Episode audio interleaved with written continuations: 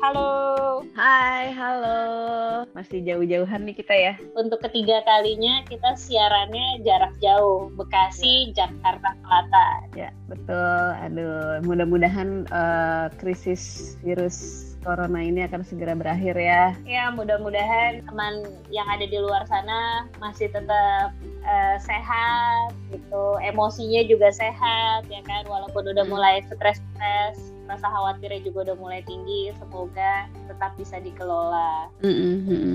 Ya. Mbak, episode 13 mau ngomongin apa sih nih Mbak? Ini tuh kita lagi mau ngomongin masih seputar-seputar kehebohan di rumah aja ini sih. Kalau aku sih di rumah ajanya nggak heboh ya. Hebohnya adalah nemenin belajarnya. Oh oke, okay. iya iya iya. Karena masih banyak yang kecil ya gak ya? Iya, kalau yang anak-anak gede kan udah bisa kita lepas sesuai jadwalnya ya. Ya tapi kalau yang masih di bawah uh, umur-umur 10 tahun ke bawah, ah, ya Allah gitu kan. Hmm. Mau mau lambai-lambai ke kamera nih hamba gitu. Iya benar. Aku tuh juga kalau di rumah nih sebenarnya kalau dibilang heboh nemenin belajar nggak terlalu paling cuma ngingetin sih ngingetin aja agak lumayan ya uh -uh, uh -uh. eh mbak tapi ya mbak kali ini tuh nggak cuma kita berdua doang yang bakalan ngobrol aku mau ngajakin uh, sobat rangkul. Jadi kalau kita dari Bekasi dan Jakarta Selatan, aku uh, mengimpor asik mengimpor sobat rangkul dari Padang. Kita suruh hai dulu ya. Ini berarti ada Jaksel, Bekasi, dan Padang ya, luar biasa. Hebatnya teknologi menyatukan orang-orang yang jauh tapi hati selalu dekat, ya kan? Sekali. Halo Uninovi. Hai Kak Ega, Kak Fia. Halo. Kalau dari suaranya aja udah kedengeran cantiknya loh Sarah ya. Kalau kalau dari suara udah kebayang rendang oh enggak ya? Emang kalau sama Mbak Via nggak jauh-jauh dari makanan. Uni apa kabar? Baik, alhamdulillah dengan situasi yang tidak biasa ini ya kita sehat-sehat juga alhamdulillah. Padang juga ya sama ya Unia social distancing juga ya? Sama sama. Tempat kantorku kebetulan kan e, ke pusat jadi kita e, kebijakannya ngikut pusat jadi barengan sama Jakarta tuh WFH-nya. Liburnya sampai kapan? E, sampai sekarang udah diperpanjang sampai 14 April. Wow. Oh. Kalau kita kita sampai Mei ya enggak? Iya kita kita sampai anak-anak juga sampai April. Kalau anak-anak sampai kapan Uni? Ya sama. Baru baru diperpanjang aja sampai 14 April nih. Aduh apa sih Uni yang dirasain? Kalau aku kemarin sama Mbak Via sudah bercerita tentang apa yang kami rasakan dari awalnya excited sampai akhirnya ya Allah tolong. Kaget ya, gitu. kaget ya.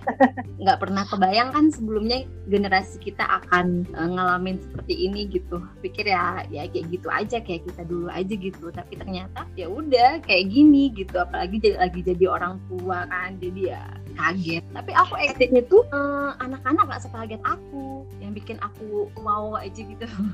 Oh ya? Anak-anak apa yang dirasain tuh nih? Hmm, anak-anak aku lihat menikmati ya. Dia melihat ibunya seharian di rumah ayahnya seharian di rumah. Dari 24 jam kali udah berapa ini nggak pernah berpisah gitu. Jadi aku melihat mereka menikmati ya. Mereka nggak yang nggak sekaget kita orang dewasa sih. Aku ngelihatnya sih gitu sih anak-anakku. Enjoy ya justru nemenin anak-anak belajar di rumah gimana Uni? Apa? Ya mm, itu yang baru ya.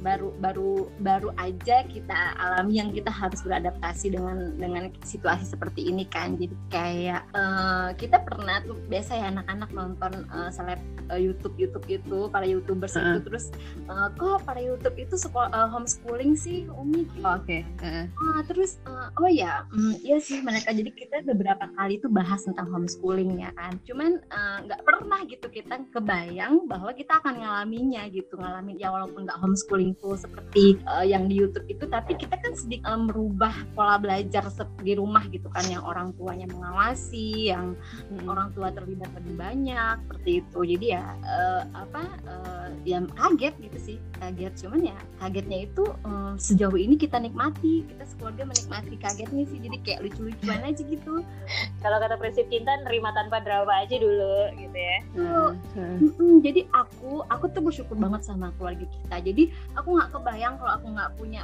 nggak punya nih um, apa amunisi yang udah aku siapin selama ini.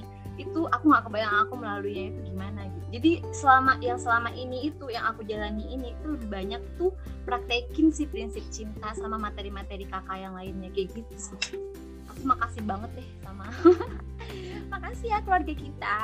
Banget ya kalau kita bisa ini ya bisa sama-sama belajar bisa sama-sama mempraktekkan yang selama ini di apa ada di materi-materi keluarga kita ya. Ternyata beneran gitu. Beneran bisa pakai. Seneng banget. Si prinsip cinta memang luar biasa ya mbak. Iya iya bener-bener. Kalau kalau aku mikirnya tuh ya anak-anak kalau dibilang bosen ya bilang bosen gitu. Cuman ya untungnya juga anak-anak sekarang nggak kayak zaman kita dulu ya yang apa-apa tuh semuanya kan di luar gitu. Kebayang nggak sih kalau anak zaman dulu yang nggak ada wifi gitu terus hidupnya tuh main di luar terus social distancing kayak gini nggak boleh keluar rumah gitu kan. Kebayang bosannya kayak apa gitu. Ya untungnya juga mereka lahir di dunia yang serba digital ini ya gitu. Jadi nggak ngerasa yang eh, nggak uh, ke mana-mana banget gitu kan. Masih bisa browsing sana sini gitu.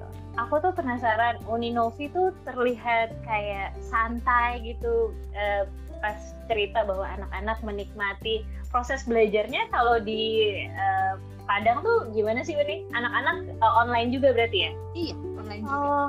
Uh, apa ya? Kayak uh, punya hal baru gitu karena mereka nggak nggak biasanya kan nggak uh, sebebas itu mengakses gadget ya. Jadi mm. sekarang malah wah gitu, hore gitu boleh ngeliat gadget lebih lama kayak gitu kayak gitu. Jadi ya uh, mereka menikmati sih kalau aku lihat sih gitu. Berasa kayak youtuber ya homeschooling. Iya anak-anak kan imajinasinya luar biasa ya. Mereka uh, menganggap ini kayak kita yang khawatir apakah virus itu mendekat apakah bagaimana nih apakah ada ODP di sekitar kita segala macam. Karena mereka tuh nggak sampai ke sana. Mereka hanya melihat ini seperti sebuah permainan gitu loh yang ya seru aja sih aku ngelihatnya luar biasa sih. Itu membuat aku eh. mengurangi stres. Ini ya meminimalisir emosi ya. Iya mm. Uni uh, apa namanya pernah ngerasa keribetan ya sih sama kan uh, Uni kalau nggak salah anaknya tiga ya? Iya. Dengan si tiga anak ini yang lagi belajar di rumah terus Uni juga bekerja dari rumah tuh ada apa ya udah mulai ada friksi. Kalau aku kemarin sama Mbak Vi sempet cerita tuh aduh Mbak di minggu kedua lagi luar biasa nih mbak. Mulai ada friksi soalnya ternyata tugas si anak TK banyak banget gitu. Ada worksheet ada video. Kalau Uni tuh ngalamin kayak gitu nggak? Iya aku denger tuh kemarin yang uh, minggu kedua itu. Ih emang bener banget kayaknya butuh tahapan proses ya jadi ya sama sih. Kemarin itu waktu minggu pertama minggu pertama bingung dulu tuh. Bingung dulu nggak tahu mau ngapain. Atau gimana sih gimana sih ini gitu. Anak-anak juga beradaptasi dulu kan sama cara kerjanya gitu. Jadi minggu pertama tuh um, masih bingung aja. Minggu kedua itu mulai banyak menemukan eh, hambatan-hambatan kendala-kendala yang uh, kok kadang gurunya salah kasih terus dihapus lagi terus dia udah ngerjain bla bla bla kayak gitu. Jadi uh, apa jadi banyak ketemu mulai ketemu masalah masalah-masalah gitu. Nah, uh, ke sini ke sininya tuh makin seru sih. Mereka udah aku mulai aku lepas sendiri untuk uh, memantau tugas mereka sendiri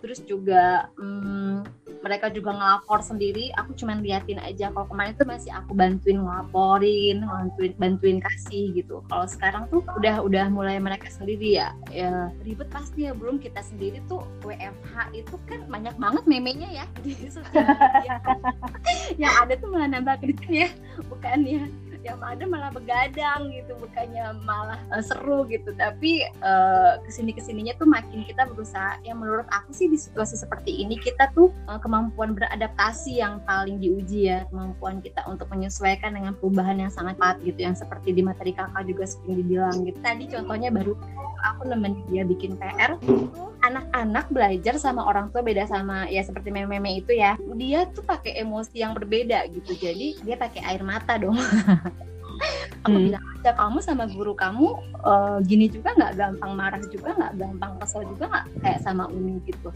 Nah dia refleksi kan oh ternyata aku terlalu emosional aku belajar di rumah nggak sama kayak sama guruku aku yang lebih tenang gitu. Jadi ya itu proses lagi kan. Itu baru kejadian siang ini barusan. Hmm.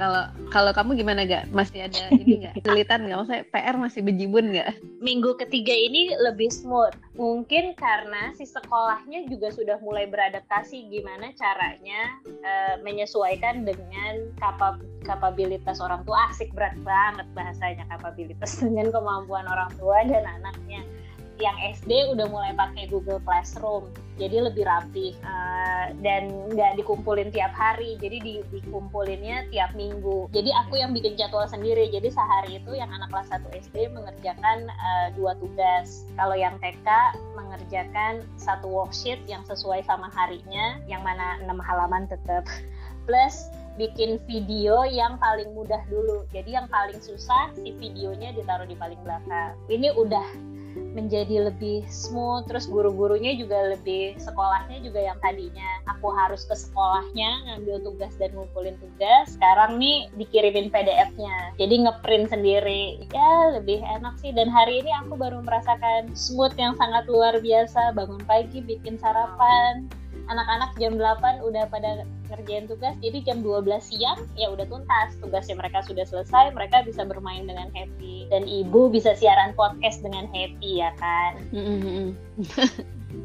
udah diatur ya. Yang penting cuma ngingetinnya aja sih. Untungnya kan karena udah gede-gede ya gitu. Jadi pokoknya cuma ngingetin uh, karena biasanya kan guru-gurunya tuh di awal minggu udah nge-share ke parents jadwal sekolah minggu depan tuh gimana gitu kan. Eh di akhir minggu, di akhir minggu. Jadi minggu depan tuh jadwalnya ini gitu kan. Biasanya aku langsung forward ke WA-nya anak-anak masing-masing kan gitu. Jadi pokoknya mereka udah harus tahu jadwalnya gimana biasanya tuh kalau udah menjelang menjelang jam online sekolah aku cuma ngingetin aja gitu. Ini anak gede itu lebih susah nggak sih Kak Fia? Enggak ya? Aku belum nyobain. Kalau aku belum. Anak gede katanya lebih susah.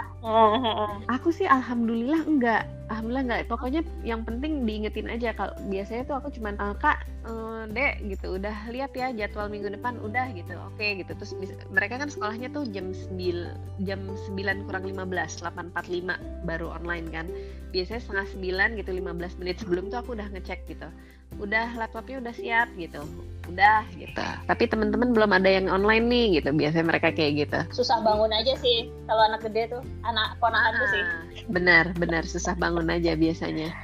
Karena kan rupanya lagi seneng begadang kan jadi ya, kalau ada di sekolahnya tuh udah dibikin sedemikian rupa sekolahnya disiangin karena emang alasannya itu sih karena sekolahnya bilang ya ngerti keadaan remaja tuh yang sering begadang jadi sekolahnya kita siangin gitu tapi tetap aja berubah ya ah, iya, iya tetap aja. Kalau Uni sendiri pernah nanya nggak ke anak-anak, eh perasaannya gimana sih di rumah? Kalau aku perasaannya gini gitu. Kalau aku sih jelas ya mau lambai-lambai ke kamera, ya Allah nggak betah di rumah. iya, aku uh, kemarin itu sempat nanya ya, gimana uh, kalian rasanya nggak pernah keluar rumah? Padahal setiap hari itu kalian keluar rumah. Uh, macam-macam ya jawabannya, kayaknya tergantung sifat bawaan anak masing-masing ya. Yang pertama itu emang um, lebih apa lebih sering keluar rumah, jadi dia bilang oh bosan gitu nah yang kedua dia di rumah saja itu dia senang banget karena emang anak rumahan. Hmm. Oh, yang kecil sih uh, yang enam tahun itu dia masih ini ya masih ngikut kakaknya aja ya. Jadi masih kadang ya masih suka sukanya gitu. Kadang dia bosen, kadang dia seneng gitu masih masih gitu aja. Tapi aku bilang kalau aku juga aku juga bosen kok gitu apalagi setiap hari bahkan setiap bulan keluar kota gitu jadi ya sekarang harus di rumah aja jadi kita cari cara yuk cari cara lagi ya prinsip cinta lagi gitu cari cara yuk jadi kita kayak uh, asik main bersamanya itu main games kayak kakak Ega juga. Nah, asik. emang menyenangkan main games tuh kita main ludo bareng gitu di handphone masing-masing ketawa di kamar masing-masing. Kalau udah bosen kita jadi satu satu apa satu gadget aja satu handset aja gitu main ludonya. Terus kalau udah bosen kita di kamar masing-masing terus pakai handphone masing-masing. Sana ya mm -hmm. jadi merubah uh, ketawa-ketawa sendiri lucu-lucu gitu. Jadi ya ya gitu sih killing time-nya. Ya yang penting komunikasi makin bagus sih. Tapi yang kayak kakak Aga bilang di podcast sebelumnya sama suami ya ada tantangannya tuh lebih. Sama pasangan pasangan ya sama pasangan tuh luar biasa emang. Pasangannya beda lagi. Gitu. Uh, Uni Bavi mm -hmm. apa sih pendapatnya tentang belajar di rumah? Kalau aku sih jelas ya tolong jangan lama-lama belajar di rumah ini ya Allah. Seneng sih senang anak-anak belajar di rumah karena kita bisa terlibat dan jadi apa ya jadi bisa involve buat ngajarin cara kita tapi kadang ada lelahnya enggak gitu. Kalau Mbak Vi sama Uni pendapatnya gimana tentang belajar di rumah? Uh, Sebenarnya gini, kalau ngomongin uh, oke okay atau enggaknya, kayaknya sih sepertinya baik-baik aja ya. Sepertinya oke-oke okay hmm. aja.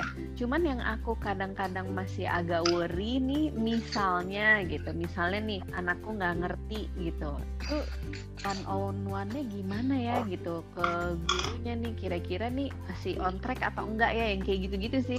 Sesuai nggak sama cara gurunya gitu ya? Uh. kalau Uni gimana nih? Aku itu juga sih um, oke-oke aja gitu. So far masih menikmati gitu kan uh, plus minusnya gitu. Tapi yang aku khawatirkan sih itu um, apakah um, pemerintah uh, bisa menyesuaikan juga dengan anak-anak kita yang sudah mengalami ini? Nanti kebijakan-kebijakannya bagaimana? Apakah nanti anak-anak nggak jadi kesulitan jika mereka harus tiba-tiba sekolah lagi atau uh, standarisasi standar standar yang udah dibikin sama pemerintah itu apakah bisa menyesuaikan dengan keadaan ini? Itu sih aku khawatirkan. Tapi kalau proses belajarnya sendiri sih aku masih oke-oke aja sih sejauh ini. Cuman ke depannya aja sih yang khawatirkan ini akan seperti apa nanti gitu. Apalagi kalau ada yang kayak UN atau sejenisnya ujian-ujian sejenisnya itu. Itu sih lebih ke situ sih kayak gak Miku tuh nanya ini tadi pagi dia baru nanya ini anak-anak sekolah sampai entar lulus nih naik kan yang yang gede naik ke SMA yang kecil ke SMP dong gitu kan. Iya iya iya bener. Aku yang TK mau masuk SD terus kita bingung. Aduh ini langsung SD apa gimana iya makanya. Apalagi tuh uh, di mana di di temenku lah di Amerika tuh dia sekolahnya itu stop sampai akhir tahun. Nah itu uh, aku nggak kebayang kalau kita seperti itu gimana gitu. Kalau di sana oke okay, ya pendidikannya itu banyak jalurnya gitu. Kalau kita seandainya begitu apakah semacam ketinggalan atau apa gitu. Kan jadi ya nggak tahu ya aku mungkin overthinking aja gitu. Hmm. jadi ke sana sih kekhawatiranku. Hmm. iya ya, kebayang kebayang. Akan banyak orang tua yang memiliki kekhawatiran yang sama sih. Karena kan belum pernah masalahnya kita belum pernah ada di posisi seperti ini tiba-tiba kejadian seperti ini jadi jadi kayak wah gitu ya.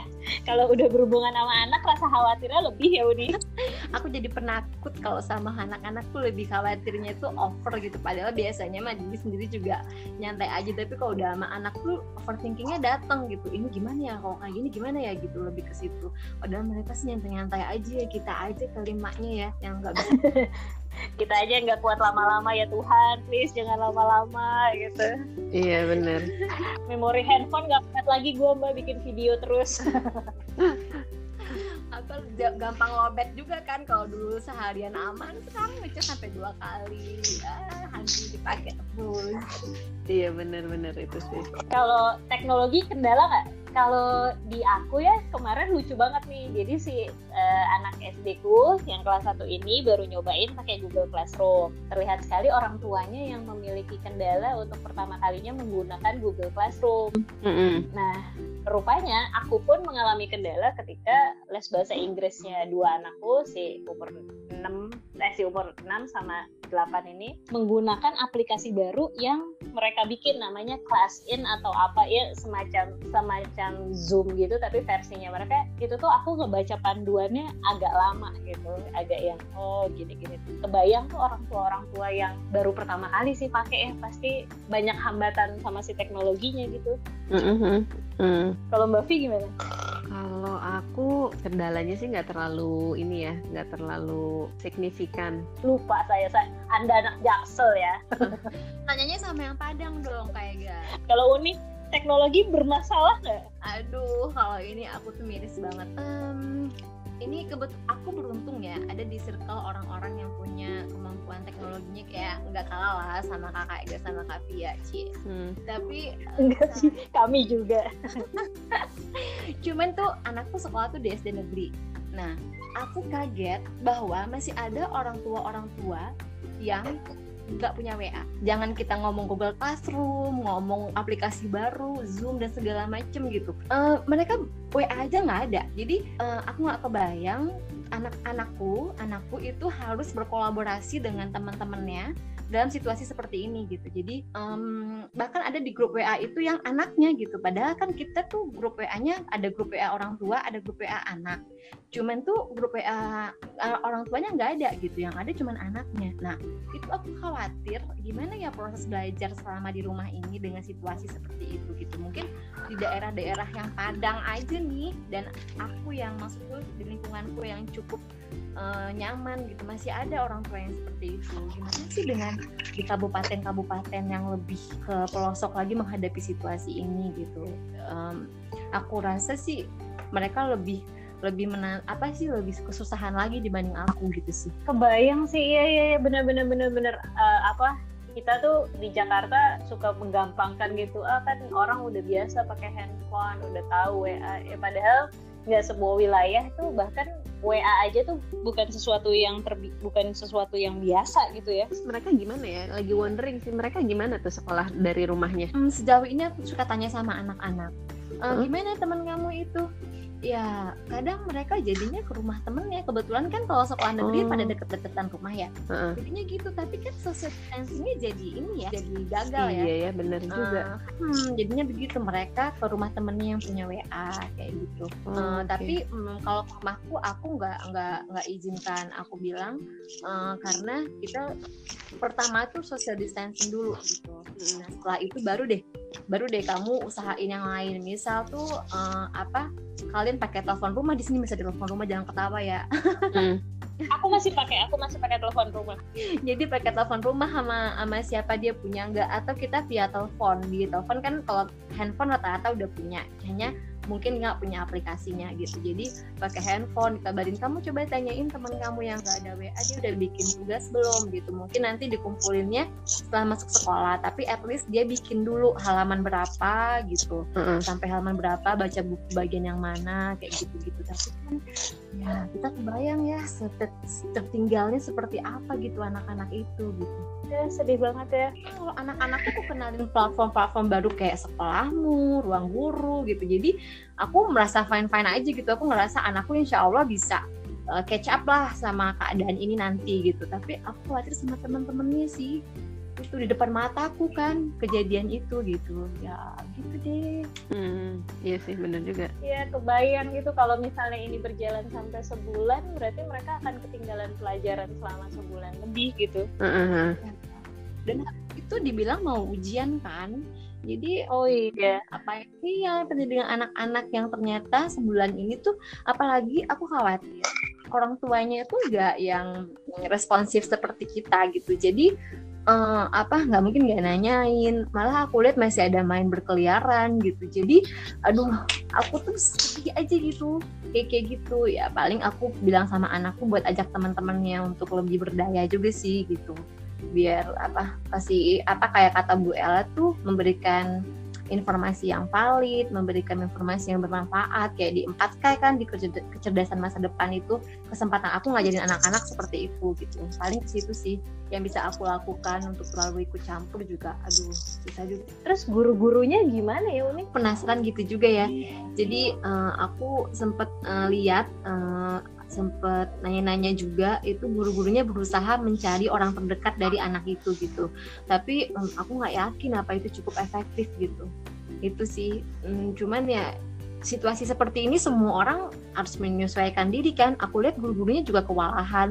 Kebijakan sekolah itu berganti setiap saat gitu. Kemarin begini sekarang begini sama-sama kebijakan pemerintahan. Kemarin nggak boleh gini sekarang boleh gini kayak gitu gitu nah jadi ya um, ya gitu deh aku cuman khawatirnya tuh anak-anak itu sih nanti kalau masuk sekolah bisa blend lagi nggak sama sama keadaan gitu sih. Aku jadi kepikiran gimana cara akhirnya membuat itu menjadi lebih mudah gitu mereka proses belajarnya terus jadi ingat kemarin tuh SMSG yeah. bikin yang konser itu ya Mbak mm, konser uh, apa namanya konser musik yang barengan sama narasi TV terus dengan kita mendengarkan konser musik itu kita bisa sambil berdonasi juga. Nah uh, salah satunya SMSG nanti akan uh, SMSG itu semua murid semua guru itu akan menyebarkan eh, media-media uh, belajar untuk anak-anak yang kayaknya ini memiliki keterbatasan yang kayak kita bahas gitu. Bahkan WA aja bukan sesuatu hal yang biasa gitu. Episode kali ini jadi banyak menerawang ya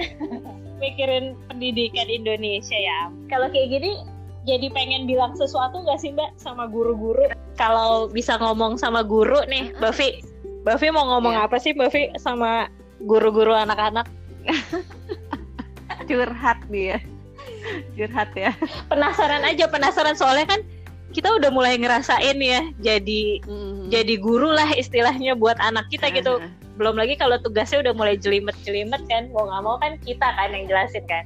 Kalau bisa nih kalau bisa. nyanyi gak gue nyanyi apaan? nyanyi, nyanyi itu nyanyi apa? Nyanyi guru adalah uh, himne. yang himne guru uh, himne guru. Uh, uh, uh, uh. Gila betapa susahnya ya jadi guru gitu ngebayang ya. Ah gitu. Kebayang. Maksudnya kalau aku sih ngelihatnya karena anak-anakku tuh udah gede-gede gitu tapi kan aku ngelihat juga ya uh, sepupu-sepupu gitu uh, apa teman-teman gitu yang pada handle anak-anak kecil gitu. Kalau Uni gimana? Pengen abis ini semua ini usai gitu aku pengen ketemu maksudnya kita udah bisa pelukan gitu ya aku pengen peluk. gitu, gitu, gitu. Kayak di film-film itu loh cie anak film. Jadi kayak akhirnya bumi aman kembali gitu kan jadi kita keluar bersama dari rumah dan uh, pelukan bareng gitu. Uh, ya salah satunya guru-guru itu gitu karena mereka juga punya target sendiri mereka juga punya tugas sendiri. Uh, mereka sendiri tuh udah struggling sama yang mereka alami gitu sama tugas-tugas. Aku masih bersyukur kantorku bisa menyesuaikan diri dengan cepat gitu dengan keadaan ini karena hmm. emang nggak langsung kan berdampak gitu. Nah kayak guru-guru gini itu kan langsung banget ya jadi aku ingat kata Bu Ella sih bahwa ada segitiga yang akan dibuat oleh orang tua guru dan murid itu. Selama ini tuh uh, aku tuh uh, ke anak dengan caraku kemudian nanti aku bilang ke anakku bahwa kamu percaya dengan cara gurumu. Jadi jembatan yang aku buat itu baru itu gitu. Aku nggak pernah ngobrol sama gurunya. Maksudnya secara ini ya heart to heart ya. Gimana pendidikan anakku yang pendidikan Indonesia lah gitu. Nggak pernah tapi abis ini aku tuh pengen bahas. Punya aku mau bikin jembatan yang memang selama ini belum aku bangun gitu sama gurunya gitu. Jadi kayak hmm, yuk segitiga ini kita sama-sama sama kuatnya gitu loh. Nggak cuman aku ke anakku ke gurunya tapi juga aku dan gurunya itu juga punya jembatan yang sama kuatnya gitu sih. Oh manis banget. Aku aku pengen aku udah mulai WA sih. Kalau aku udah mulai karena emang sering WA jadi aku tipe yang suka nanyain. Jadi di luar jam belajar biasanya WA gurunya terus nanyain sebenarnya sejauh mana perkembangan anak saya apa yang bisa saya lakukan untuk membantu. Nah selama tiga minggu ini nih rasanya luar biasa gitu. Bener kata Uni sih kalau nanti di akhir ini udah selesai rasanya pengen peluk kenceng gitu kan. Terus sambil bisik terus sambil bisikin gitu. Bu, bu udah ya bu ibu aja yang ngurusin belajarnya saya saya nyerah nih iya bener aduh kalau di grup apa TK anakku kemarin lucu banget ada orang tua yang bilang bahwa uh, Pak Kepala Eva, eh, Bu Kepala Sekolah, tolong dong tugasnya jangan banyak-banyak. Saya udah mulai keder. ibu-ibu yang lainnya tuh tepok lucunya mereka ngasih emot tepok tangan sama jempol. Jadi itu kayak akhirnya ada yang disuarakan itu gitu. Gitu. Tapi ya tapi memang pekerjaan guru luar biasa sih kita nanganin satu anak aja rasanya gila banget gitu apalagi mereka yang banyak gitu ya iya bener hikmahnya sih situasi seperti ini uh, jadi apa jadi saling mengetahui posisi masing-masing yang selama ini mungkin suka suuzon nama sekolah sekolah gimana sih? Bla bla bla bla. Sekarang tuh lihat gitu kan. Nah hikmahnya sih kayak gitu ya kayaknya gitu juga yang guru yang selama ini mikir orang tua nggak ngajarin di rumah sekarang terpaksa orang tua ngajarin di rumah gitu. Jadi uh, memang butuh kolaborasi sih ya. Iya ya benar-benar butuh saling ya butuh saling dua-duanya ya. Aduh obrolan kali ini bermakna sekali ya senang sekali nih.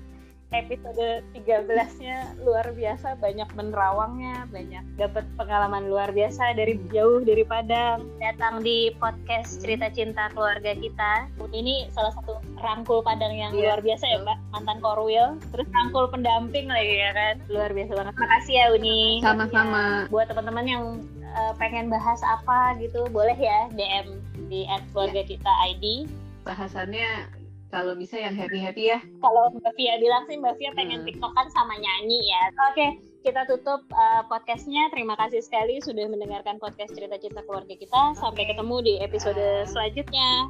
Dadah.